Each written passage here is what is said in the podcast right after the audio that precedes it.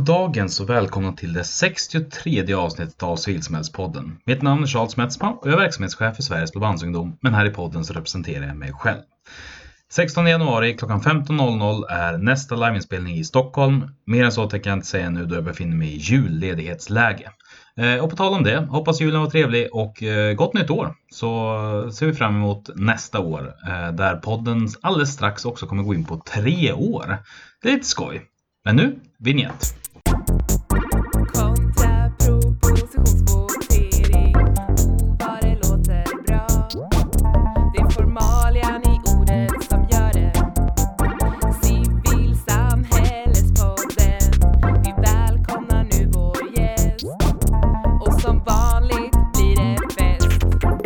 Sitter jag tillsammans med Sofia Zackrisson som är engagerad i barnrättsfrågor och Åsa Ekman som hjälper organisationen med att bli bättre på att jobba med barns rättigheter på olika sätt. Välkomna! Tack. Tack. Och välkommen tillbaka Sofia! Ja, tack. Det känns bra. Du blir den första som, som, dubba, eh, som gör ett dubb... Vad heter det? Som kommer tillbaka. Är det sant? ja, faktiskt. Ja, det, då känner jag mig lite extra välkommen faktiskt. Ja. Vad roligt. Ehm, och därför så tänker jag att eh, du kommer inte få svara på den första frågan hur du blev en engagerad människa. För det finns ju i ett avsnitt med ett nummer som jag hade, ja, jag hade kunnat kolla upp det innan. Men det var där vi pratade om mötet för ett och ett halvt år sedan kanske. Mm. Eh, men Åsa, hur blev du en engagerad människa? Ja, eller liksom jag kan säga hur jag engagerade mig i liksom barns rättigheter. Det började under tiden som jag pluggade. Eh, jag pluggade i Halmstad och då en dag på högskolan i Halmstad så såg jag en affisch där det stod att vi söker samtalsledaren. Och då var det Rädda Barnen i Halmstad som hade startat upp ett nytt projekt som kallades för Ellen. Och det handlade helt enkelt om att vara samtalsledare för en grupp unga tjejer som gick i åttan och, och helt enkelt träffa dem en gång i veckan under en termin och prata om saker som var viktiga för dem utifrån ett jämställdhets och rättighetsperspektiv. Och det tyckte jag ju lät ju så jäkla spännande. Så, så jag sa att där vill ju jag vara med. Och så, och så fick jag vara med. Och så blev jag ju kär i Rädda Barnen och så blev det liksom ju mer än engagerade sig desto mer ville han ju göra och så tog det inte slut. Nej. Så ja, Men vad heter det, var det då så att du hade en historia av att vara engagerad innan på andra ställen eller var det här någonting som bara dök upp? För det låter ändå som att du var något äldre baserat på uppdraget. Ja men precis, alltså det var ju, då jag liksom pluggade, så vad var jag då, 20 någonting liksom. Men jag vet inte, jag hade nog inte identifierat mig som en engagerad person innan det i alla fall. Nej. Och inte, kanske inte pratat om, alltså på det sättet. Jag har liksom aldrig varit, alltså du vet, den har så här, hållit på med sporter men inte varit engagerad i styrelser, inga elevrådsgrejer, alltså ingenting sånt överhuvudtaget. Utan det var ju, ja men det var den där grejen som jag tyckte bara, fasen var viktigt. Mm. Och var, fanns det liksom någonting som hade väckt själva barnrättsperspektivet redan innan det på något sätt eller? Jag vet inte. Ehm, jag tänker mig, det är väl kanske så här, ja, men som tonåring så, här, så är det väl kanske inte alltid så att den känner att vuxna alltid lyssnar på en. Och, och sådär. Och då tyckte jag väl kanske att eller, eller så är det den här efterkonstruktion, det vet inte jag faktiskt. Men, men någonstans så kändes det bara som att det här är en sån himla viktig grej. Och, ehm, och det kändes som ett sånt himla bra forum att, ja, men att möjliggöra för unga människor att få prata om de sakerna som är viktiga för dem själva. I ett forum som inte är styrt på det sättet av vuxna som, annars är det ganska lätt att vuxna styr alla tänkbara forum. Ehm, så det kändes bara som en sån himla bra grej. Och hur gick du därifrån till liksom nu där du är idag då när du åker runt och föreläser och utbildar kring de här frågorna? Ja, hur jag gick. Ja, men, så här, jag har faktiskt aldrig gjort något annat. Jag har aldrig jobbat med några andra frågor. Så jag, så jag kan inget annat. Eller, men, nej, men alltså, om man tar liksom den här ideella delen så har det varit liksom, i och med att jag engagerade mig då i Rädda Barnen så blev det ju, det blir naturligt att när det kommer in en person så blir alla väldigt glada och så bara, åh, kan inte du vara projektledare för det här också? Kan du inte sitta i styrelsen? Kan du inte göra det och det och det? Och så växer ju det, så att det är liksom, jag är ju fortfarande engagerad i Rädda Barnen.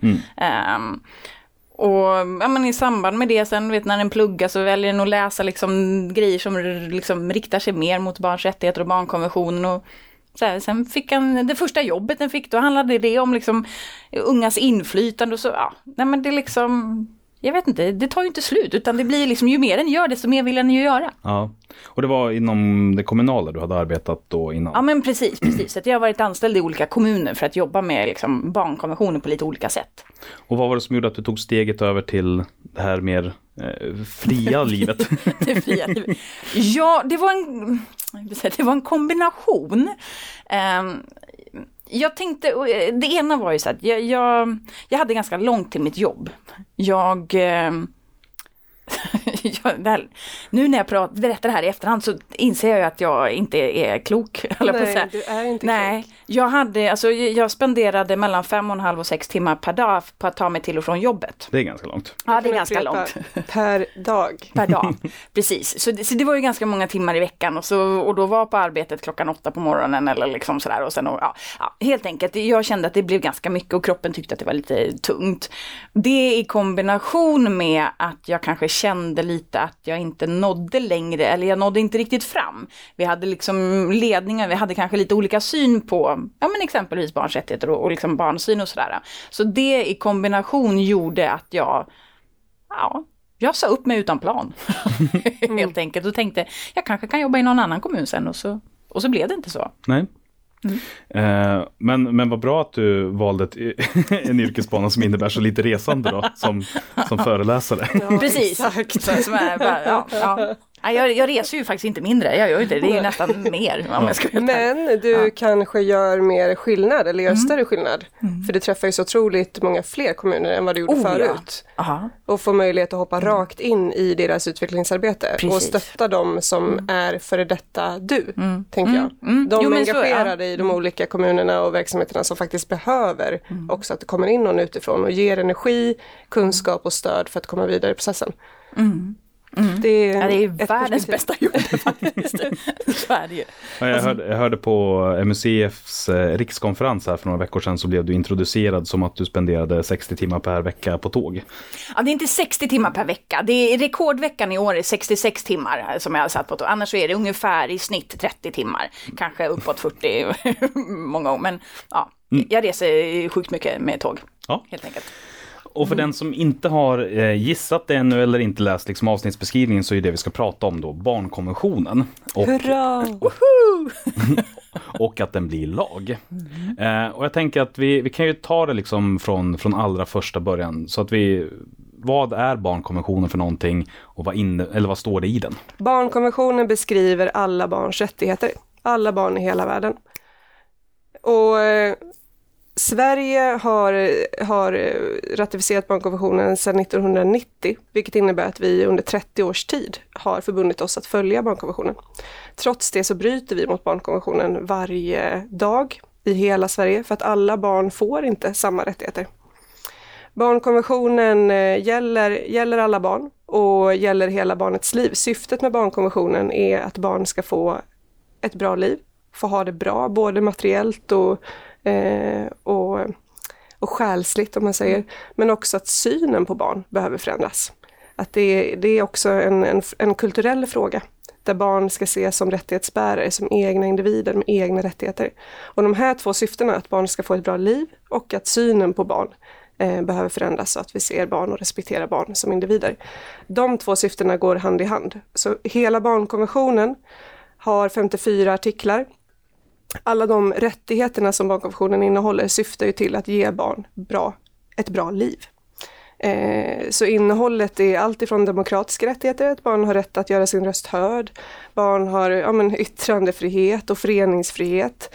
Eh, barn har också rätt till, till skydd mot farliga saker. Vi har en mängd artiklar som handlar om det. Eh, rättigheter att bli, bli skyddade från, från sånt som är dåligt för barn. Eh, så tanken är helt enkelt att artiklarna ska täcka hela barnets liv. Vad behöver barn för att få ett bra liv? Eh, Någonting att tillägga? Nej men jag tänker det som är, är viktigt att säga är ju just att ja, men vi kallar den hela tiden för barnkonventionen. Den, den heter ju FNs konvention om barnets rättigheter. Och det är just det enskilda barnet som är i fokus, precis som Sofia säger. Det handlar ju om liksom att varje barn har rätt till alla rättigheterna. Vi kan inte separera och säga så att ja men du, du får gå i skolan men om du blir sjuk, nej men då får du ingen sjukvård. Utan det är, liksom, det är ju ett paket. Eh, det är ju liksom barnets mänskliga rättigheter. Eh, så. Och det som jag också tycker kan vara Alltså barnkonventionen pratar ju väldigt mycket om ja, men vuxnas skyldigheter. Det är ju vi som vuxna som ska se till att barnet får de här rättigheterna, men också att de kan använda sig av dem. Och det är det ju vi vuxna som ska se till. Även om staten alltid har yttersta ansvaret så har vi ändå ansvar som medmänniskor liksom, och människor. Eller civilsamhällesmänniskor eller hur vi nu vill benämna oss. Det kan vara bra att lägga till, tänker jag, att barnkonventionen beskriver ju statens ansvar gentemot varje enskilt barn. Alltså barnkonventionen handlar inte om varje vuxens skyldighet gentemot barn, utan statens ansvar att leva upp till barns rättigheter. Eh, ett par följdfrågor dyker upp direkt, men, men den första som, som känns lite intressant, det är väl då vad egentligen, eh, vad, om ni har koll på det, vad var det som gjorde att man ansåg att det behövdes någonting särskilt som liksom uttryckte liksom barn specifikt, eh, för mänskliga rättigheter kom väl före men inte helt ut och cyklar. Ja. Varför behövde man lägga till en specifik för barn? Ja, men det var ju lite olika diskussioner eh, och den diskussionen pågår ju än idag, tänker jag. Eh, men just det, barn är ju en särskilt utsatt grupp. Alltså, eh, och barn saknar ju generellt eh, ja, rösträtt. Till exempel. Så liksom någonstans, barn är en särskilt utsatt grupp som behöver vuxenvärldens stöd, skydd och omsorg, både för att överleva men också för att utvecklas. Men samtidigt så är det ju barn egna individer, eh, med egen integritet och vilja, men har ju samtidigt inte exempelvis rösträtt och kan ju då inte påverka det samhället som de lever i. Så att någonstans den här tvådelade grejen, att å ena sidan en utsatthet och samtidigt en egen person liksom. Just det, så att man, just eftersom att man inte har de verktygen till hands riktigt för att hävda sina egna rättigheter så, ja. Man har ingen politisk makt, ingen ekonomisk makt, ingen fysisk makt. Så i alla avseenden så är ju barn eh, sårbara utifrån hur samhället är uppbyggt. För samhället är ju uppbyggt utifrån eh, ett vuxet perspektiv. Så barn är ju helt beroende av vuxna. Så det sammanfattade svaret skulle jag säga på din fråga. Varför behövs barns rättigheter? Räcker det inte med mänskliga rättigheter? Det räcker inte därför att barn i alla situationer är de som råkar värst ut. Ja, men när, när vi liksom pratar om samhället generellt och när vi pratar om människor, om vi pratar, sen om vi benämner det som kommuninvånaren, invånaren, medborgaren, när vi säger just de orden, när vi pratar om människor generellt så blir ju barn väldigt osynliga. Vi glömmer ju liksom bort barn när vi pratar om människor generellt. Så därför behöver ju barn ha de här, så här förstärkta mänskliga rättigheterna för att synliggöra att ja, barn är också människor, men de är också människor som behöver ha eh, liksom förstärkta rättigheter. Och när vi pratar om barn nu, finns det någon särskild ålder som specificeras? Bra fråga. Ja, upp till 18 år i Sverige eftersom att vi blir myndiga när vi är 18. Så och därför generellt är sett, alltså är det en svensk påfund eller står det att fram till dess att du räknas som myndig i ditt land? fram tills dess att du blir myndig. Mm. Exakt. Ja, det är så under 18 fram tills, eller om Ja. det är så att det står i ditt egna Ja. land så står det någonting annat. Ja. Det är Men- men, men- byråkratiskt skrivet. Men, men ja, nu, nu hoppar jag händelserna lite grann i förväg, men, men, men, men betyder det då att det kommer bli olagligt att ställa frågan vad tycker unga? Eller vad tycker unga om att göra? ja, ställer du den frågan så kommer du att hamna i fängelse från och med första januari 2020. Skönt. det var det jag hoppades på. Nej men jag tänker utifrån det här med Ja. att man ska se individer snarare än grupper. Är det då liksom eh, någonting man gör fel gentemot den skrivelsen? Både ja och nej tänker jag. Det beror ju helt och hållet på vad frågan handlar om. Eh, det är klart att är det ett beslut som påverkar barn och unga så är det ju barn och unga som grupp som det påverkar och då behöver vi möjliggöra för barn och unga, alltså att de kommer till tals till exempel i frågorna. Men det kan ju, vi kan ju inte begära samtidigt exempelvis varje politiker eller varje tjänsteperson eller varje människa ska fråga varenda barn om allting. Det är ju liksom inte möjligt. Så att det handlar ju om att se både till att barn som grupp eller som kollektiv eh, får det här bra livet men också att det är varje barn eh, får sina rättigheter och kan använda sig av dem. Mm. Men vi skulle kunna exemplifiera, eh, för att eh, precis som Åsa är inne på så handlar det om vad det är för typ av beslut man ska fatta. För det barnkonventionen beskriver är att barns bästa ska vara vägledande i alla beslut som rör barn. Det är det som är rättigheten så som den är formulerad. Och eh, eh, om man ska fatta beslut som rör, där ett beslut rör många barn, då är det ju rimligt att jobba med ungas röster som du är inne på. Att man tar in eh, kollektivet barns röster på olika sätt och jobbar med barn och ungas inflytande i, i processer om flera barn. Eh, men när det handlar om beslut som rör ett enskilt barn, en enskild individ, eh, då är det ju högst relevant att det enskilda barnet får komma till tals. Mm. Det skulle kunna vara ett sätt att exemplifiera att det beror ju på vad det är för typ av beslut. Och båda besluten fattas ju Mm. eh, i myndighetsutövning i Sverige eh, varje dag. Ja, nej, Så det, det, båda, båda eh, formerna behövs.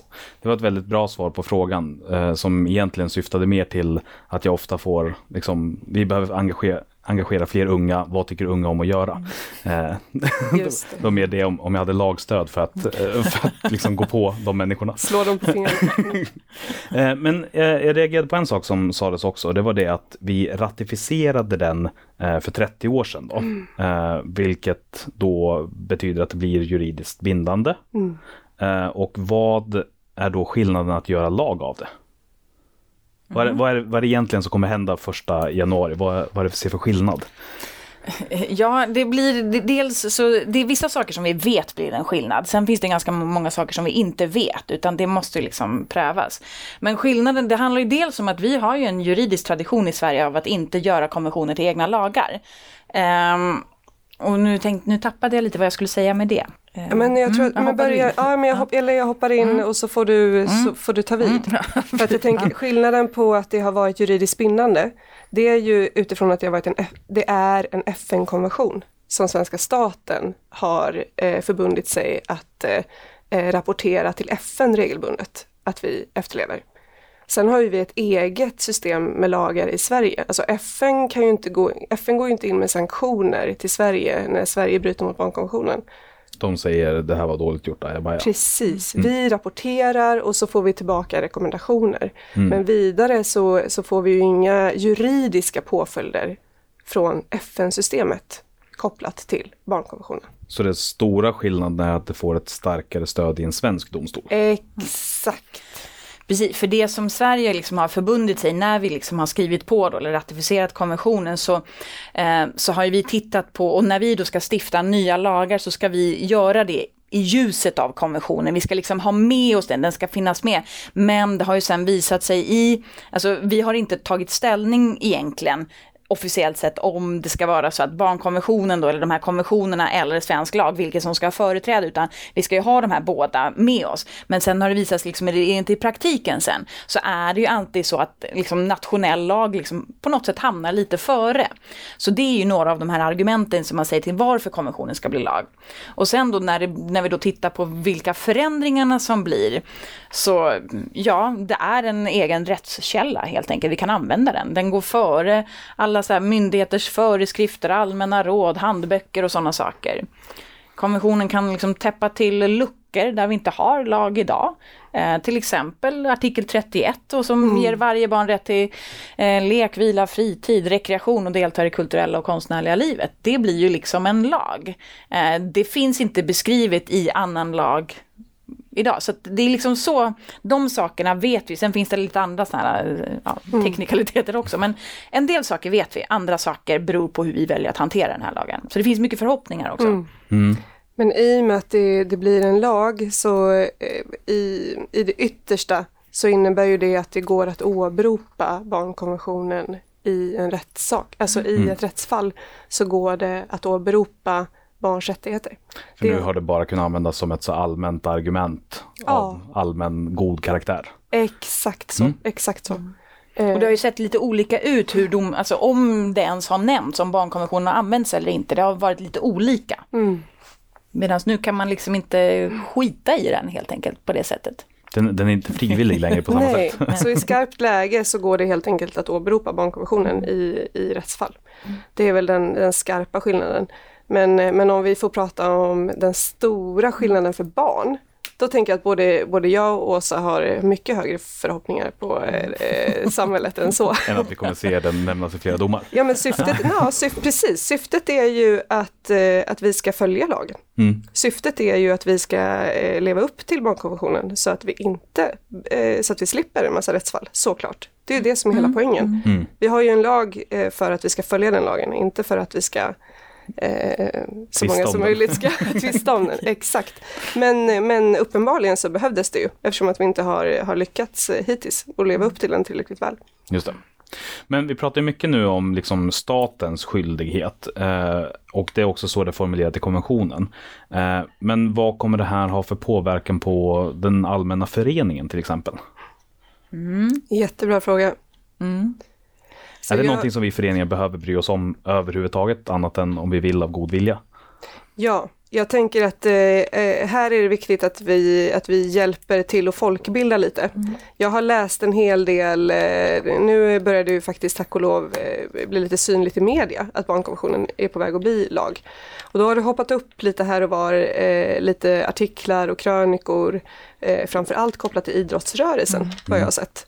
Där, eh, eh, jag läste bland annat en krönika i DN som Johan Esk skrev, där han menade att så här, men nu riskerar ju varenda, var och varannan ungdomsledare att bli brottsling för att man bryter mot barnkonventionen eh, när barnkonventionen blir lag. Och det var det stora problemet. Ja men exakt.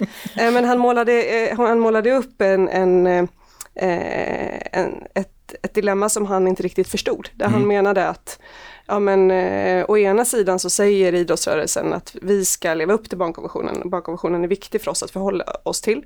Eh, å andra sidan så, eh, så säger barnombudsmannen att eh, men barnkonventionen reglerar ju relationen mellan staten och barnet eh, i första hand. Eh, och, och jag tänker att här skulle vi kunna hjälpa till att att navigera lite för att det är ju det, är ju det som är frågan. Vad ute i civilsamhället och som inte är staten, vad, hur behöver man förhålla sig till att barnkonventionen blir lag? Mm. Mm. Jag tänker, det kan ju liksom också se det på lite olika sätt. Om vi nu pratar om idrottsrörelsen till exempel, men Riksidrottsförbundet, även om inte barnkonventionen alltså, skulle bli lag, så har Riksidrottsförbundet fattat beslut på sin, liksom, sin stämma för det, ja, tio år sedan att de ska jobba med, med barnkonventionen och att all idrott ska bedrivas utifrån ett barnrättsperspektiv. Det Så står i deras viktigt. värdegrund, alltså någonstans, så att de har redan sagt det här ska vi göra, punkt. Eh, sen om vi tittar på liksom det rent juridiska så är väl tanken är ju inte att vi ska gå runt och polisanmäla alla föreningar. Det är liksom inte det som är hela poängen. Sen, men, men det som vi kan titta på är ju att Ja men hur kan vi liksom binda aktörer indirekt? Det vill säga alla som mottar medel från det offentliga. Då kan ju det offentliga kanske också då titta på vilka krav är det som vi ska ställa. Till exempel alla som faktiskt får föreningsbidrag från kommunerna.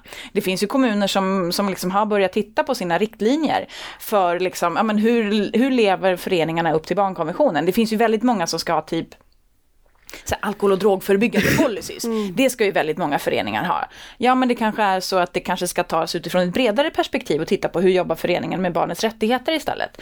Så att det är klart att alltså idrottsrörelsen eller civilsamhället det är ju inget så här frikopplat väsen som bara lever helt fritt. Det är ju en del av samhället. Liksom. Så ett sätt för staten att, eh, att leva upp till barnkonventionen kan ju vara, som Åsa säger, att ställa krav på, när, vi, när, när staten ger bidrag och pengar till civilsamhället, också ställa krav på att man eh, faktiskt eh, jobbar utifrån ett barnrättsperspektiv i verksamheten. Men det är ju inte samma sak som att eh, fotbollsklubben eh, kan hamna i domstol för brott mot barnkonventionen. Situationen med, den senare situationen kommer vi inte att se. Nej. Det kommer inte att hända. Utan det är ju helt enkelt det som är staten och statens eh, förlängda armar eh, som, som lagen gäller. Men gäller den kommuner och regioner Ja. också då? Ja. Yes. Och myndigheter, alla offentliga Yes, exakt. instanser. Yes. Mm. Det offentliga, precis. Men, men den biten är ju ändå då intressant. Eh, för att om det är så att det här är någonting som kommer gälla det offentliga i liksom, och det är de som lagen eh, gäller. Eh. Kontrollerar. Ja men precis. Eh, då, om jag tolkar det rätt ändå så betyder det att lagen på inget sätt i sig själv kommer att ha någon påverkan på föreningar. Nej, nej. För att inte röra till det så svarar jag nej. Därmed inte sagt att man inte ska bry sig, men, men jag undrar bara liksom rent juridiskt om, Precis. Ja fast det är ju som sagt, då är det ju binda dem indirekt. Det är ju det det är. Ju det, det är. ja men precis. Det, det jag skulle vilja att vi pratar mer om, det är ju vad civilsamhället kan anta för roll. Mm. Eh, eh, efter att barnkonventionen har blivit lag. Absolut. Alltså om man, eh, om man är villig att eh, se sig mer som en aktör för barns rättigheter eh, än, som, eh, än att vara rädd att, att bryta mot lagen. För det, det, det kommer inte hända, utan Nej. det är som Åsa säger, man kommer, man kommer troligen att behöva förhålla sig mer till barnkonventionen om det är så att man vill samverka med det offentliga. Så kommer man behöva förhålla sig till barnkonventionen. Eh, det, det kan vara så att kommunen, regionen ställer krav på att man utbildar sina ledare i barnkonventionen och hur man jobbar utifrån ett barnrättsperspektiv till exempel om man vill ha bidrag. Eh, den typen av, av insatser. Eh, men, eh, eh, men om man har barn och unga i sin verksamhet så utgår jag ifrån att man ser det som en, som en positiv möjlighet att göra en bättre verksamhet. Mm. Men om man vill ta ett ytterligare kliv och se sig själv som en aktör för barns rättigheter, då skulle jag verkligen vilja elda på alla som lyssnar här nu, att från och med nästa år helt enkelt, nu, nu, nu kommer det nästa fas i barnrättsarbetet. Nu är det dags att se till att, att lagen används. Eh, att åberopa barnkonventionen. Att stötta de eh, alla de eh, barn som befinner sig i utsatta situationer som, kan, eh, som faktiskt i skarpt läge behöver att barnkonventionen åberopas i rättsfall. Eh, och elda på och, och vara blåslampa för att barnkonventionens ställning faktiskt stärks i, eh, i kommuner och regioner och myndigheter. Eh, så att de inte bryter mot barnkonventionen. Där kan vi ju prata civilsamhällets roll. Ja men precis. Och jag tänker också eh, utifrån det vi har pratat om nu, det som fastnar starkast hos mig är just den, så det artikel 31, det här med fritid och de grejerna. Det tänker jag att det kommer bli väldigt intressant att se vart det tar vägen i händerna på föreningar gentemot en kommun som väljer att kanske ta bort ett bidrag eller att slopa någon typ av stöd eller subventionering eller liknande. Exakt. Då är ju planen liksom, eller liksom, då är ju tanken att då ska ju de titta på, ja men hela tiden, vilka, alltså hur slår det här mot barn? Alltså barn och unga, vilka konsekvenser är det här får för barn och unga? Kan vi verkligen säga att det här är för barnens bästa att göra på det här sättet liksom? Och om det då inte är det, hur kan vi kompensera barnen för att vi faktiskt väljer att göra, alltså gå ifrån det som är det bästa? Det är det. lite så som tanken är att vi ska använda konventionen. Ehm, sen tänker jag bara, jag hoppar lite tillbaka, jag tänker där utifrån förening. Det finns ju en del i, i barnkonventionen som, som pratar om barnets rätt till, alltså att slippa våld, att skyddas från våld. Och i den, och det handlar liksom, står främst om utifrån i vårdnadshavares sådär, ja, i hemmet helt enkelt. Men det finns, så står det också sen, eller i annan persons vård. Det vill säga att när barnet är någonstans, någon annanstans, och då har FNs barnrättskommitté beskrivit att den där någon annanstans, annan persons vård, det är ju exempelvis civilsamhället, när barnet är hos föreningar. Så att det är ju, eh, vi ska ju också se till att barnet faktiskt är tryggt och säkert i våra verksamheter. Så hur jobbar föreningarna med till exempel alla de som möter barn när det handlar om belastningsregistret till exempel? Hur gör vi det? Nu har ju Riksidrottsförbundet, och nu hamnar vi tillbaka i Riksidrottsförbundet, men nu har ju de tagit ett beslut att ja men så är det, vi ska liksom begära utdrag. Men vi är ju liksom, vi är inte frånkopplade, även om vi då tänker säga att ja, det är staten som har det yttersta ansvaret. Sen finns det vissa saker som binder föreningar. Så är vi ju också medmänniskor. Vi är alltså människor. Det är klart att jag kan väl ställa krav på en människa. Kan jag inte det? Liksom? Så att vi kan ju se det här på så många olika nivåer egentligen. Ja men absolut. Eh, Och eh, det var verkligen inte meningen med frågan heller att vi skulle fastna i, eller att tanken skulle bli så här, okej det gäller inte oss bra, då kan vi skita i det. Nej, Nej, det då hade vi inte varit här. Nej. Exakt. Eh, Men, men däremot så kan det ju vara bra att liksom veta det ändå vart, det, vart gränserna går mellan de här olika grejerna. Eh, Men är det här det som är förklaringen till att det inte finns lika stor vad ska man kalla det? När GDPR var aktuellt så var det ju, alltså, om man säger GDPR till en civilsamhällsmänniska så är det fortfarande ett trauma. Eh, Men, eh, och det avsnittet Yeah. som handlade om det spelades in ett halvår innan lagen eh, liksom trädde i kraft och det här kommer släppas nu tre dagar innan den här lagen trädde i kraft. Va- Varför har inte det här blivit ett lika stort trauma som GDPR är? Alltså jag fråga. måste hålla i mig i bordet nu Charles för att jag blir så himla upprörd Ja. eh, när vi pratar om det här. Eh, och det här, jag får liksom bita mig i tungan nästan varje gång jag träffar en, en människa eh, som jag inte har pratat barnet med förut, som säger för det här, jag hör det här nästan hela tiden och du kanske hör det här också och jag vet inte vad jag ska ta vägen för att jag blir så frustrerad. Personer som jobbar då inom kommun, region, myndigheter, inte myndigheter kanske, men framför allt kommunala verksamheter om vi säger så då, där barn och unga befinner sig, kan säga så här, ja det är så himla viktigt nu när barnkonventionen blir, är på väg att bli lag. Men, eh, men vi kommer att vänta och se eh, eh, vad det är som ska hända eh, nästa år. Eh, vi kommer ju få veta mer eh, i takt med att det blir fler eh, rättsfall, eh, vad, det, ja, vad det är för praxis i domstol och sådär eh, som kommer eh, avgöras. Då, då vet vi vad vi ska göra, så vi kommer vänta och se. Alltså det här innebär att personer, och det här är så många, jag, jag vet inte, så? håller du med om det här Åsa? Nej, jag möter inte Du det. har inte mött det, Nej. okej. Men jag möter alltså människor som på fullaste allvar befinner sig i verksamheter som har med barn och unga att göra under ja, statens förlängda arm som säger att vi tänker vänta med Och inte göra någonting helt enkelt. tills vi ser vilka det är som åker fast. Är det Alltså sant? Är fattar det ni? Vilken annan lag gör man så med? Vi tänker inte följa lagen förrän vi ser vilka det är som hamnar i finkan. Då, För att få någon slags känsla för vad som är minimum. exakt, för att hitta minimum. Och det här är så jävla sjukt, ursäkta mitt språk. Men så här kan man agera när det handlar om barn, igen. För att barn är så osynliga i samhället. Men när det handlar om GDPR, oj, oj, oj, oj, oj. Då är det eh, divers, då ska allt, alla stenar ska vändas på för att man ska göra rätt innan man riskerar att göra fel. Jag har inte fått alls lika många mejl från sådana diverse konsultutbildningsfirmor som jag fick under. GDPR-tiden. Nej, men jag tycker det är ganska intressant. Alltså jag tänker det är båda egentligen en rättighetslagstiftning. Sen finns det ju en eh, viktig detalj, om vi nu ska kalla det, det är de där, vad är det, typ 20 miljoner eller någonting sånt du kan råka ut för om du inte följer Ja. GDPR. Ja. Som ju inte har med, men, men jag 5 tycker det av din omsättning, så att det är ju Ja, utan ja, tak till ja, och med. Ja, ja. Nej, men alltså, det är ju liksom, jag tänker det är ändå en ganska bra jämförelse att göra. Alltså varför snackar vi så jäkla mycket GDPR? Varför pratar vi inte lika mycket om barns rättigheter? Så, här, så jämför det, liksom, vad är det föreningen eller liksom organisationen har gjort när det handlar om GDPR? Eller vi pratar så här digitalisering generellt. Eller, jag tycker det är så bra också, vi kan jämföra med så här kanelbullens dag tycker Ja. jag också är väldigt bra att jämföra. Ja, det, det, det däremot blir jag förbannad på varje år.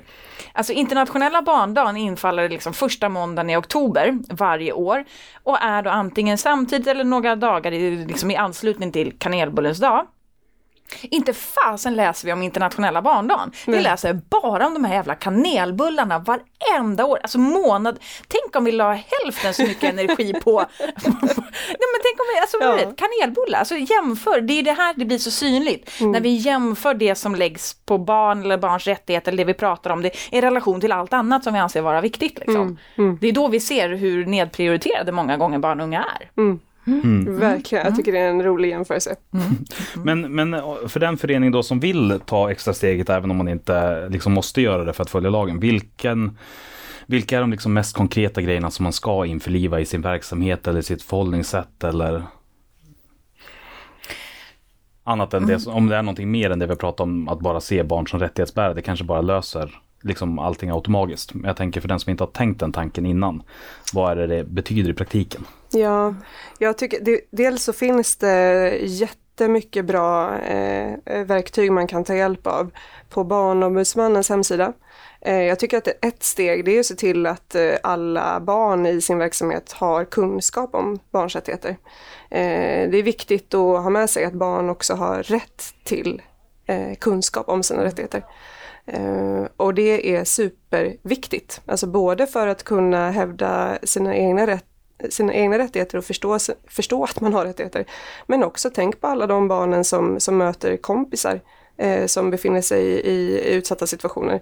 De, de pratar ju med sina kompisar i första hand eh, när de har blivit utsatta för någonting eller befinner sig i en svår situation.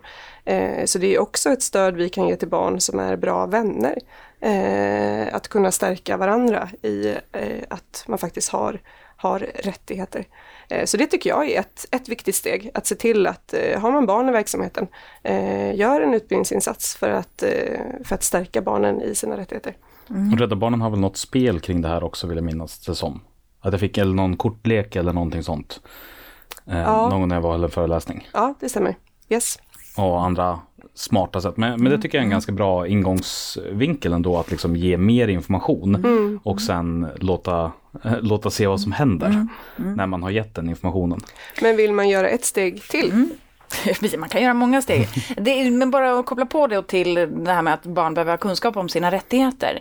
Så har visat att det är inte ens hälften av barnen i Sverige som vet om att de har rättigheter. Och hur ska jag kunna använda mig av någonting som jag inte vet ens finns liksom? Nej, inte Så. har då fysisk, ekonomisk eller politisk makt. Precis, precis. Nej. Så, nej men så, så det, det är ju en sak. Men sen tänker jag som förening att fundera på ja, men vilka barn är det som kommer till oss?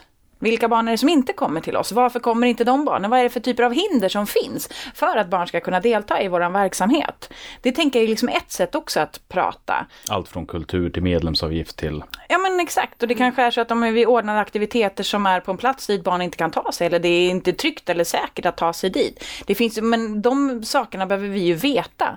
Eller att barn bara inte känner sig välkomna. För vi vet ju också att det är väldigt många grupper av barn och unga som, som inte engagerar sig eller deltar i olika typer av fritidsverksamheter eller aktiviteter för att du, du är rädd liksom för dåligt bemötande till exempel. Särskilt här barn och unga med normbrytande funktionsvariationer eller funktionsnedsättningar har ju liksom jag tror att det är nästan en tredjedel som har avstått från att besöka olika typer av fritidsverksamheter med rädsla för dåligt bemötande.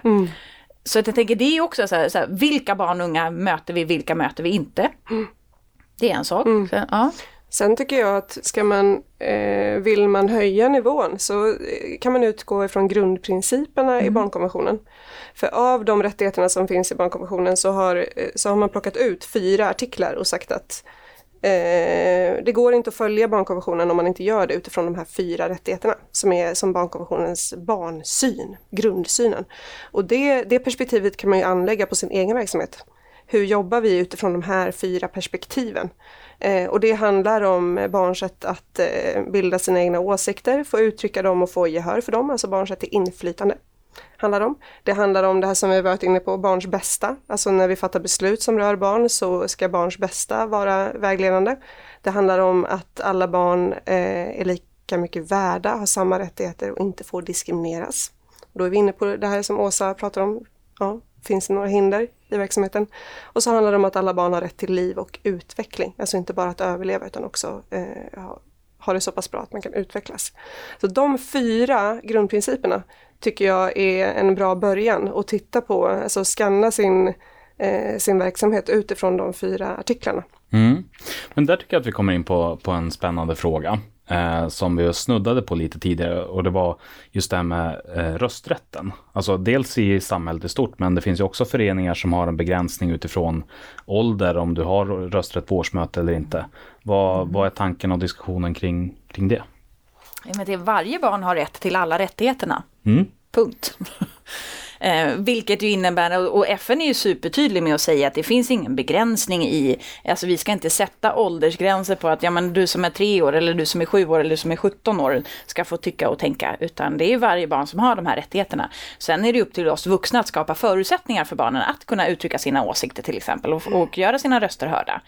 Men i, jag vet inte var, varför ska vi ha begränsningar på vilka som får... Skulle vi sätta begränsningar så att ja, men de som är över 65 får inte ha rösträtt på årsmötet? Men du exempel? menar alltså föreningar där man har, där, där du som medlem, du kan vara medlem men du får inte rösta på årsmötet förrän du har uppnått en viss ålder? Ja, ja. Det finns det jättemånga. Eh, framför allt, nu, eftersom, nu har vi pratat mycket idrottsrörelse, men, det, men där har jag upplevt det som, som ganska vanligt. Eh.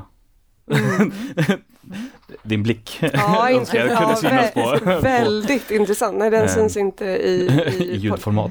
Nej, men den, eh, jag, skulle, jag skulle vilja höra hur man har resonerat då. Mm. Hur man tänker. Eh, eh, sen är det ju som Åsa säger, det är ju, det är ju upp till vuxna att skapa eh, bra förutsättningar och vilka metoder man behöver använda för att alla barn ska få komma till tals. Och det kan ju vara olika metoder för att barn är olika och, eh, och olika metoder kanske passar generellt olika åldersgrupper. Eh, men om, eh, om du är medlem i och aktiv i en förening så tycker jag att det är jätteintressant när man börjar skilja på grupper av, av medlemmar och göra skillnad på vilka medlemmar som får inflytande i organisationen och vilka som inte får det. Det, det låter ju Ur eh, demokratisynpunkt låter ju det eh, helt tokigt. Men, men om vi förlänger den tanken då till eh, liksom medborgarskapet och rösträtten liksom i det nationella och kommunala och alltså det, det som de flesta tolkar som rösträtten. Eh, vad är liksom inst- är, betyder det liksom per automatik att nu när vi gör det här till lag kommer vi behöva sänka rösträttsåldern till eh, noll? Alltså tyvärr inte. precis, precis. Tänk vad bra det hade varit. Nej, det gör det ju inte. Nej. Eh, Utan det står, ju, det står ju inte specifikt om rösträtt. Det står att varje barn har rätt att göra sin röst hörd och få sin åsikt beaktad i alla frågor som rör barn. Liksom, i. I korthet. mm, Eh, Så då handlar det om att vi behöver hitta strukturer och system som möjliggör för barn att ha inflytande. Så den, ja just det, för den behandlar liksom inflytande mer generellt än rösträtten specifikt. Exakt. Ja, exakt. Det handlar egentligen inte alls om rösträtten utan eh, när det fattas beslut som rör barn. Och det, han, det handlar ju om, det, det är ju både små och stora beslut eh, i den här frågan. Det är ju ett vanligt exempel är ju eh, barn som är i kontakt med socialtjänsten till exempel.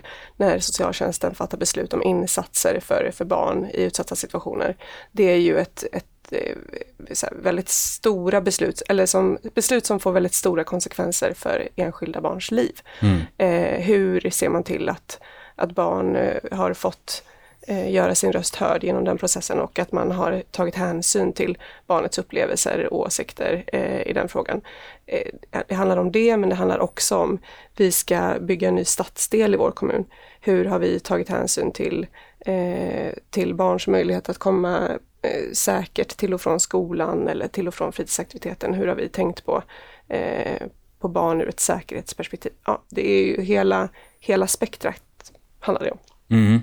Men, men nu har vi ju gått igenom och rätt ut en del av, av mina missförstånd kring, eh, kring barnkonventionen. Eh, finns det några andra som ni möter på eh, som också är så här vanligt förekommande? Som, som folk bara måste sluta tro?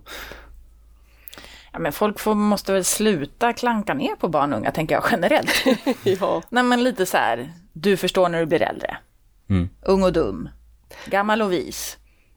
Varför pratar vi inte mer om barns skyldigheter? Åh, den ja! Den, precis. Ja, Ja, Varför står det inte om barns skyldigheter i barnkonventionen? Vad, vad är det folk tänker? Brukar de liksom vidare exemplifiera efter den kommentaren? Men jag möter, jag möter alltid det motståndet när jag träffar nya människor och pratar om barns rättigheter. Så är det alltid några sådana röster som höjs. Jag tror att det, det finns en, en typ av rädsla av att eh, om vi pratar en massa om barns rättigheter och hur vi ska möjliggöra för barns rättigheter så innebär det att vi som vuxna tappar vår makt och kontroll över eh, verksamheten och över barnen.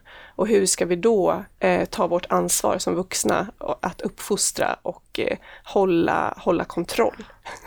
Så, så om hela poängen med skrivelsen uppnås, hur ska vi kunna motverka poängen med skrivelsen? Typ Ja, så. alltså det, det är väldigt eh, förvirrande, men jag tror att det är det som händer. En, en rädsla och osäkerhet i att så här, men jag är min vuxenroll. Hur ska jag kunna ta ansvar i en situation där, eh, eh, eh, där barn ska ges mer och mer utrymme? Ja, och lite kan jag uppleva många gånger att det handlar också då kanske om någon form av liksom tanke att du behöver liksom lite någonstans förtjäna dina rättigheter. Eh, att utifrån att, ja men om barn och unga beter sig på det här sättet, då borde de väl ändå inte få ha det. De måste väl vara liksom schyssta först, liksom respekt och så vidare. Det kan jag eh, uppleva ganska många, alltså att, det, att det finns en tanke om att barn behöver förtjäna de här rättigheterna. Att, att människovärde är någonting man jobbar in. Ja men, ja, men lite, lite så att, ja men någonstans att jag får inte, barn och unga kan ju inte få bete sig hur som helst. Liksom. Så. jag tror, ja, Nej men det är väl ändå inte det det säger heller? Nej, nej, nej, nej, Nej, så är det. nej. Men, men det är det folk liksom lite tänker sig att, ja men vadå, har de bara de här rättigheterna, de måste ju, få, de måste ju bete sig på ett visst sätt. Liksom. Och så kopplar man ihop de här sakerna och det kanske inte alla gånger är det kanske inte det de menar, men, men det är ofta så det liksom initialt eh, pratas om att, ja men de, de har ju faktiskt skyldigheter. För jag tror att det som du sa nu Charles, det här med eh, människovärdet, att eh, majoriteten av vuxna tänker ju att de, eh, att de har respekt för barns människovärde. Eh, att de eh, jobbar utifrån barns bästa. Att de bryr sig om barn, tycker att det är viktigt och att det är en självklarhet. Alltså majoriteten av vuxna eh, förhåller ju sig till barn på det sättet. Att självklart vill jag inge, inget barn någonting illa. Självklart eh, respekterar jag barns eh, rättigheter. Och det är ju här problemet kommer. Att majoriteten av vuxna tänker att det här är någonting som redan är färdigt. Det är redan, det är så självklart att barn är viktiga eh, och att vi inte vill barn någonting illa. Så varför ska vi hålla på och tjata om det här? För man tänker att man redan gör det här för att det är så självklart. För vem vill barn någonting illa? Men det här Problem- går väl bortom att vilja någonting illa? Exakt. Problemet är ju det som vi var inne på förut. Att i och med att barn saknar ekonomisk, politisk, fysisk makt i samhället så innebär ju det att barns intressen är så otroligt svagt. För att det utgår ifrån en godtycklighet. Att när det passar eh, vuxna, om, om man ska dra det till sin spets, så, så, får, barn, så, får, så får barns röster höras. Eh, så barns rättigheter är ju väldigt specifika utifrån barnkonventionen. Eh, artiklarna eh, specificerar ju vad har barn rätt till för att kunna leva ett gott liv? Då är det ju inte en självklarhet eller en, en allmän fråga om att vi bryr oss, utan det handlar om specifika saker man har rätt till som barn. Eh, som man kan kräva att få eh, eh, från sin stat. Och det är ju en kunskapsfråga. Att prioritera. Men men jag tänker för att dra det här liksom någonstans till någon slags spets. Eh, för, för just nu så fastnar jag väldigt mycket i tankarna i min egen föräldraroll. Eftersom att jag då har daglig kontakt med barn. Eh, och det finns ju uppenbara liksom, intressekonflikter oss emellan. Eh, allt från att eh, jag vill att mitt barn ska gå och lägga sig. Mitt barn vill inte eh, gå och lägga sig. Och det är självklart att vi försöker ha någon form av dialog kring det här. Men, men han är två och ett halvt och det är svårt att liksom föra resonemang fram och tillbaka. Men jag försöker ha någon slags förhållningssätt men det blir ju fortfarande i slutändan liksom en maktutövning från min sida gentemot mot honom. Jag vet inte om det finns en fråga här någonstans men Nej, men jag, är, är det fel? Hör jag dig lite grann säga, eller efterfråga. Nej men, Eh, nej men det jag tänker är väl liksom eh, de här eh, eh, en förlängning av det argumentet, liksom, men hur långt går de här rättigheterna? Mm. Eh, och ja, eh, det blir väl är det fel. Eh, inte laglig mening eftersom det, är, det är inte staten som liksom säger det. Men jag tänker liksom utifrån En moralisk eh. Ja men precis, förhållningssättet utifrån vad, vad som är andan. Mm. I spel brukar man prata om eh, rules as written eller rules as intended. Eh, och jag söker väl lite mer efter den andra delen, liksom, vad är man egentligen menar och vill uppnå genom att skriva just så här. Och det tänker jag, det är ju, alltså barnkonventionen, det kommer ju nu från, det är liksom inget tyckande. Barnkonventionen är ingenting vi tycker, det är en lag, punkt. Eh, men sen vad till exempel vad FN, vad de menade när de skrev, det finns ju formulerat. Det finns liksom kommentarer och liksom fördjupade rapporter som beskriver allt det här. Om vi till exempel pratar om liksom barns inflytande så, så står ju inte det att barn ska bestämma. Nej. Det står ju att barn har rätt att göra sin röst hörd och få sin liksom, åsikt beaktad. Alltså att när vi vuxna fattar beslut så ska vi bära med oss det som barn och unga tycker och tänker. Men det står ju också till exempel eh, det de beskriver som det här att vi ska göra det här i förhållande till ålder och mognad. Så menar de på att det handlar om att vi ska ju motverka negativa attityder till barn och unga. Vi ska liksom inte, vi ska, ja, helt enkelt, vi ska sluta få folk att sluta säga att ja, men det var en jävla lekstuga på det där eller gud vilken sandlådenivå det var och så vidare. Sluta vara barnrumpa. Exakt, exakt. Är du torr bakom öronen och allt alltså alla, alla sådana här saker. Det är det det handlar om och det handlar om att förändra en syn på barn och unga och då tycker jag att då finns det ju sådana super Ja, det pågår ju just nu till exempel det här Bovallen i Stockholm, den här idrottsplatsen. Det är ganska intressant att titta på hur vi då ser på barn och unga. Det är ett exempel. Där, det är en idrottsplats där ja, en fotbollsplan och den här fotbollsplanen ligger i ett bostadsområde. Och barnen spelar fotboll, de eh, blir glada, de låter när de blir glada, hör och häpna. Och eh, det har ju då låtit så mycket så att de som bor runt omkring tycker att ska barnen verkligen vara så här glada? Ja, nu raljerar jag lite såklart, men, eh, men helt enkelt det har sk- skickats in klagomål för att den tycker liksom att barnen låter för mycket. Och eh, det här har kommit då att prövas av domstol, miljödomstolen. Och idag så har vi ju liksom inga nationella riktlinjer för barns ljud. Hur mycket får barn precis, hur, låta? precis, hur mycket får de låta? I Så där- förhållande till hur många de är. Exakt. Men vi har ju massa nationella riktlinjer när det handlar om till exempel hur mycket ljud får en väg eh, alltså, låta, vad är det vi behöver göra om vägen låter för mycket eller Just om det. fabriken låter för mycket. Liksom sådana. Det finns ju. Så då har ju liksom den här domstolen haft lite olika vägar att gå. De har ju valt att jämföra barns ljud med industribuller. Ja. Vilket har resulterat i att eh, kommunen är ålagd att sätta upp ett bullerplank. Och eh, de har ju då också fått eh, begränsa barnens tider som de idrottar på. Och eh, det som är hela poängen med den här är ju någonstans att hade det, de istället, för de har ju mätt ljudnivåerna såklart, Mm. hade de istället valt att jämföra det med eh, en väg, som det, det uppnådde alltså inte den ljudnivån som vägen, Mm. alltså så, men hade de valt att jämföra det med en väg så hade inte kommunen behövt att göra någonting. Mm. Medan nu väljer man istället att jämföra det med, med liksom industribuller. Och jag tänker, vad säger det när vi pratar om barns ljud som industribuller? Mm. Och vilka begränsningar kommer det här eh, få för barn på lång sikt? Nu kommer ju kommunen att överpröva det här så att det kommer liksom tas upp eh, i en högre instans. Men, men det här möter vi runt om i Sverige när det till exempel när det ordnas kulturaktiviteter eller belysningar, när det är vid offentliga platser, när vi hela tiden begränsar barns utrymme. Alltså jag tänker, vad får det för konsekvenser på sikt? Hur vi ser på barn och unga? Eller när vi sätter upp så här ljudskrämmor.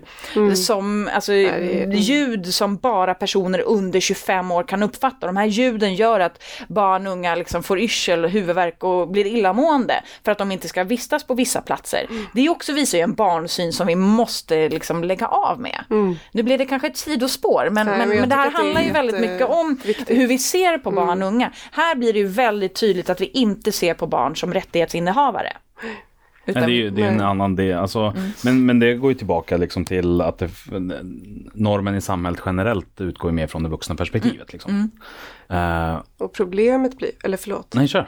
problemet blir ju som, som Åsa beskriver, den här eh, fotbollsplanen eller lekplatsen i det bostadsområdet, när det då också blir ett, ett rättsfall innan barnkonventionen är lag, då man helt enkelt utgår från bullernivåer och jämför det med industribyggnader istället för att utgå från barns rätt.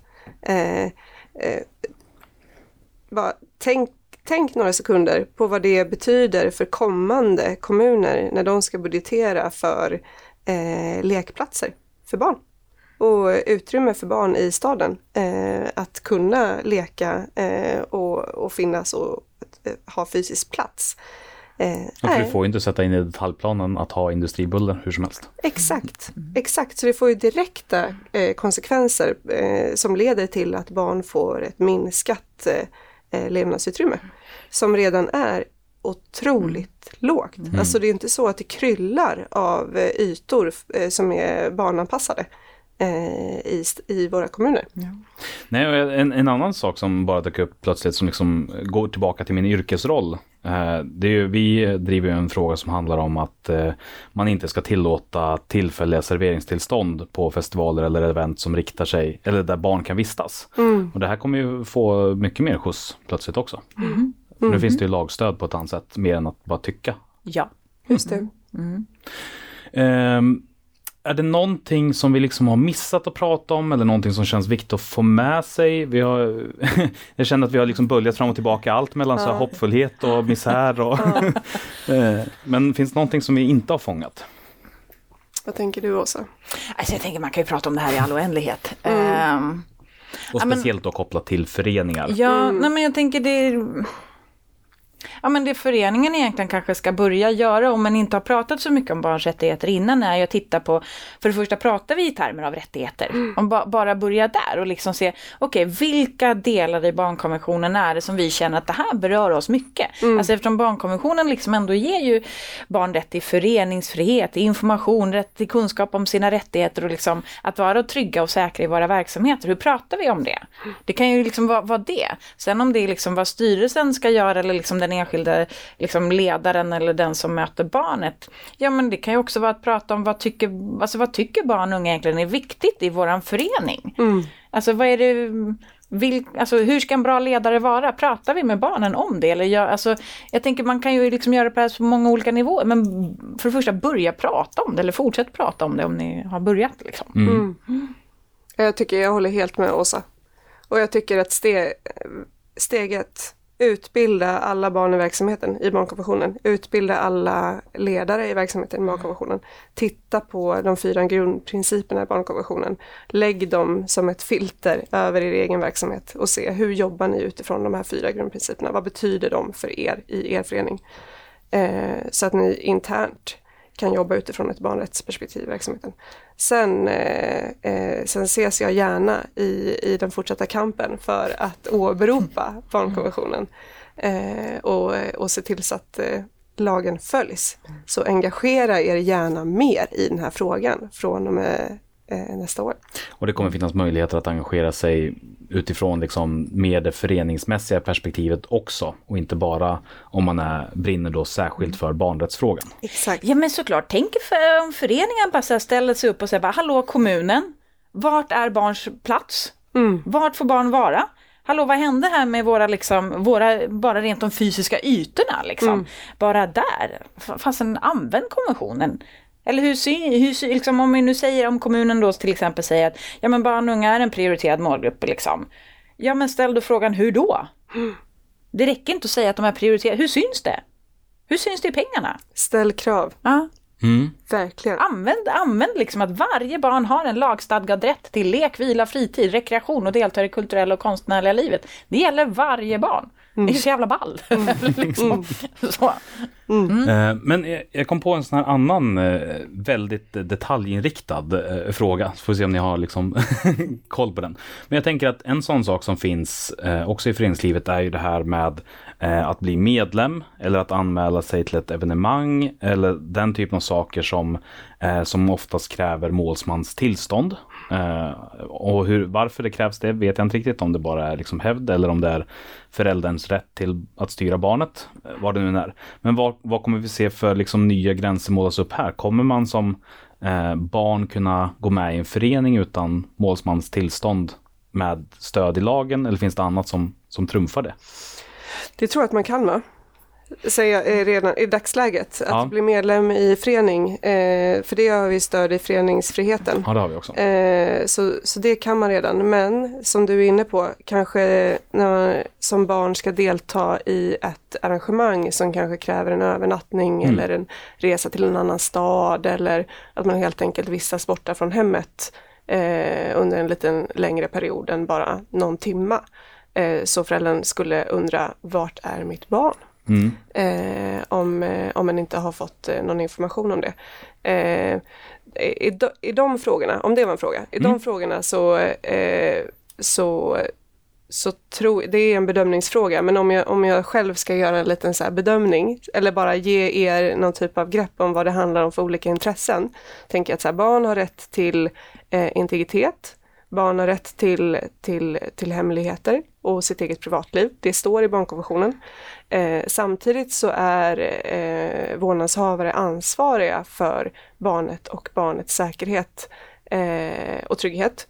Eh, och det kan ju vara svårt som förälder att ta, ta ansvar för sina barn om man faktiskt inte vet vart barnet befinner sig. Alltså, eh, som förälder så behöver man ju också få information om eh, vad barnet gör och vad barnet är för att kunna ta sitt föräldraansvar. Eh, och det ansvaret är superviktigt och står också beskrivet i barnkonventionen. Eh, föräldrarnas viktiga roll. Eh, så bara för att ge lite bild av de här eh, olika perspektiven man behöver eh, titta på i, i sådana ärenden. För om det är så att eh, ett barn vill eh, delta i en typ av aktivitet som, som föräldern skulle säga nej till. Så kan, då tänker jag att då kan man ju ti- titta lite på varför då? Vad kommer det sig? Ibland, finns, ibland kan det finnas eh, befogade skäl, alltså skäl som är för barnets bästa, att säga nej till en aktivitet. Och ibland så eh, finns det inte det, utan eh, skälet att säga nej är att eh, kontrollera eller eh, Begränsa. eh, begränsa barnet. Så det, mm, Och det är ju här det blir väldigt tydligt, eller när saker och ting ställs på sin spets utifrån att ja men det är föräldrarätten kontra barnrätten. Och någonstans så har vi haft en tradition av att, alltså, alltså i barnkonventionen så är ju liksom familjen, eller liksom den utvidgade familjen eller föräldern och vårdnadshavaren, är, har ju liksom en ganska stor plats. Vi hittar det liksom på väldigt många olika ställen. Men hela poängen med att göra konventionen till lag är ju att stärka barnet. Alltså det är ju det. Sen att det behöver gå via vuxna, men, men det är ju verkligen i de de här lägena, det kan ju vara liksom Ja men ponera att det är ett barn som kanske är begränsad av olika sätt i sitt livsutrymme men som säger att ja, men jag går på den här aktiviteten varje torsdag och använder det som ett argument för att egentligen göra någonting annat. Eh, och har då, ska då liksom en tränare eller en ledare, ska den berätta om barnet är där eller inte eller vilka barnet hänger med om barnet är på den här aktiviteten. Alltså det är de här sakerna som blir, som där det ställs på sin spets. Barnets, liksom, egen, ja, barnet som en egen individ och e- egen liksom, rättsperson kontra föräldern. Som ändå har, det ytterst, alltså, som har ansvaret för barnet. Det är ju supersvårt. Och där det är liksom just det här att barnkonventionen blir lag inte kommer göra någon större skillnad heller eftersom att det är ju någonting mellan föreningen och föräldern. Precis, det handlar ju om ett arbetssätt. Mm. För lagen i sig, eh, eh, jag, jag försöker så här, leka med min fantasi lite vad som skulle kunna hända i ett rättsfall, men jag, jag har svårt att se det framför mig. Eh, det skulle ju kunna vara då att, eh, eh, nej, ja, skulle det vara då att en förälder eh, som stämmer kommunen för att man inte har fått information om, eh, rätt information om vart barnet är eller vad barnet gör. Eh, För att kommunen bidrar med finansiellt stöd till den föreningen. Ja men precis. Eh, jag tänker att det är, jag, jag har svårt att se eh, det rättsfallet framför mig. Eh, utan att vara jurist. Så, men, men om jag ändå ska försöka Rena med lite, spekulationer. ja, precis, med lite fantasi försöka måla upp det här fallet. Så eh, jag vet inte, men jag, jag tror inte det. Däremot så är det som Åsa säger, och jag tycker att du beskriver en sån himla viktig situation som jag tror att många föreningar faktiskt kan känna igen sig i. Eh, vilka dilemman en också eh, ställs inför när en har barn i sin verksamhet eh, och eh, när en eh, eh, känner oro för barn. Vad viktigt det är att agera på den oron. Och även om man inte har anmälningsplikt Alltså även om man inte är skyldig enligt lag att anmäla oro om barn, ska ta sitt ansvar och göra det ändå. Och det är ju en viktig sak man skulle kunna passa på nu eh, när man i sin förening pratar mer om barnkonventionen. Att man också ser över sina policies kopplat till orosanmälningar. Att, eh, att om det är så att man, man känner oro eh, för hur barn har det hemma, till exempel som Åsa var inne på, eh, om, om barn riskerar att bli begränsade eller kontrollerade på, på, ett, eh, på ett dåligt sätt och få sitt livsutrymme be- eh, begränsat. Att faktiskt anmäla det till socialtjänsten, att göra orosanmälningar. Det är jätteviktigt att se det som sitt ansvar i föreningen eh, när man möter, möter barn. Eh, det, det, det kan vara det avgörandet som gör att ett barn eh, får, får den hjälp och stöd som man behöver. Så se er viktiga roll, ni som eh, möter barn, eh, att också orosanmäla när ni eh, känner oro. Och det tycker jag, jag tycker vi kan uppehålla oss bara lite vid det utifrån att eh, du nämnde inledningsvis att Sverige var ju ett, alltså var ju det första landet i världen som lagstiftade mot aga 1979. Och ja, våld mot barn har minskat. Men det är ändå så att i nationell undersökning så svarar 44 procent av eleverna i årskurs 9 och 2 på gymnasiet att de någon gång i livet har varit utsatta för något form av våld av en vuxen. Det är 44 procent. Och när jag säger något form av våld så kan det vara både så här försummelse, vanvård, fysiskt våld, psykiskt eller sexuellt våld. Och då tänker jag att om det är nästan är hälften av barnen som har upplevt något form av våld eh, från en vuxen så finns ju de här barnen i varenda förening. Alltså så är det, de finns i varje förening och det kanske faktiskt också är så att det kanske är just den träffen varje vecka eller flera dagar i veckan som är eh, anledningen till att jag pallar liksom. Och jag kanske är med i föreningen för att slippa det som sker hemma. Så att någonstans, alltså, civilsamhället är ju så ofantligt viktiga i det här och någonstans kan vara det den trygga platsen för barn och då tänker jag att det blir också så viktigt att, att ta det på allvar. Um, att ja, anmäla, gör det. Liksom. Men, men det jag tar med mig som en helhet från liksom det här samtalet är väl att eh, liksom i praktiken så kommer ingenting att förändras för föreningen. Alltså i och med att det blir lag. Däremot så ser vi ett generellt, liksom en upphöjning i samhället eh, på en generell nivå av barns rättigheter. Och det är någonting som föreningar liksom bör ta höjd för i när man liksom agerar eller är i sin verksamhet. Det offentliga kommer troligen att ställa krav på Ja. föreningar som har barn i sin verksamhet. Det ska man vara beredd på. Att från och med nästa år så kommer, eh, har man samarbete med det offentliga eller eh, tar man emot pengar från det offentliga och har barn i sin verksamhet så kommer man att få eh, större krav ställda Mm. på sig. Om det inte är de kommunerna som du har pratat med som väntar in Som väntar på... väntar. Ja, exakt, exakt. Ja. Bra poäng.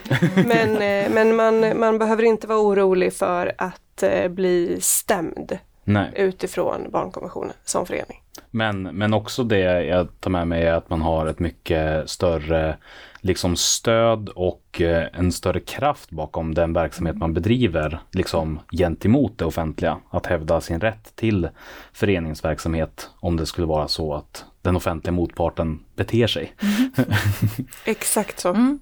Ja men det är ju så, föreningar jobbar ju med att uppfylla barns rättigheter på så många, och det tänker jag att det behöver ni ju liksom någonstans eh, känna sig stärkt i också. Att vi jobbar med att uppfylla lagstadgade rättigheter. Det tycker jag ju, ja, Och egentligen oavsett verksamhet, bara genom att finnas och erbjuda den platsen Ja. så, så gör man det. exakt.